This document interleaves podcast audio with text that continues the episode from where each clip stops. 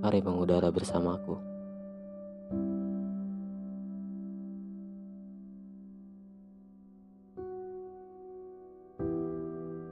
Bareng aku Agung di sini. Di podcast Suara Lelaki. Seperti biasa, kembali aku menuliskan kisah kita dan mengabadikannya via suara. Yang tentunya ditemani kalian ya teman-teman. Oke, tidak berlama-lama lagi. Langsung aja kita gaskan. Dari cerita ini, dari kisah ini, aku belajar. Ternyata mengungkapkan kejujuran itu penting dan menyayangi diri sendiri itu perlu. Dan cinta hadir sesungguhnya memberikan kebahagiaan.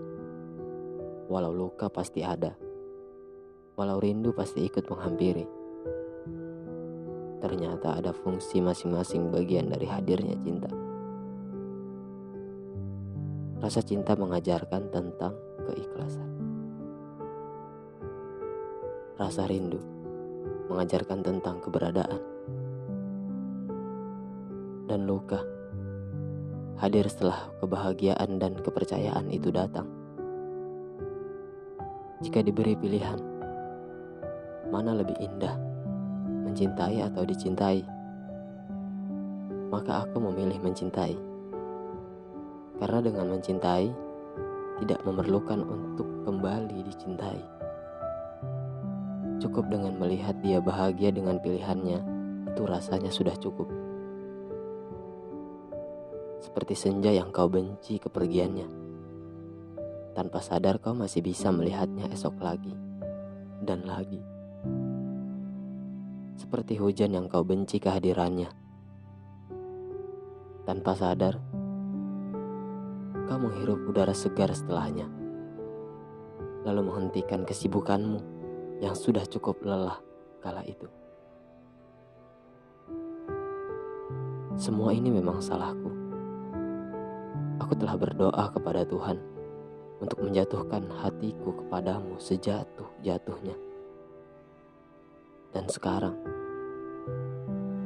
aku sadar kita tidak pernah bisa bersatu atas nama cinta. Begitulah teman-teman.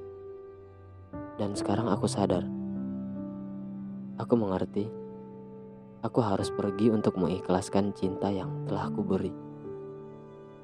Aku telah meninggalkan sahabat yang mungkin di hatinya tidak pernah ada namaku. Sampai di sini episode kali ini.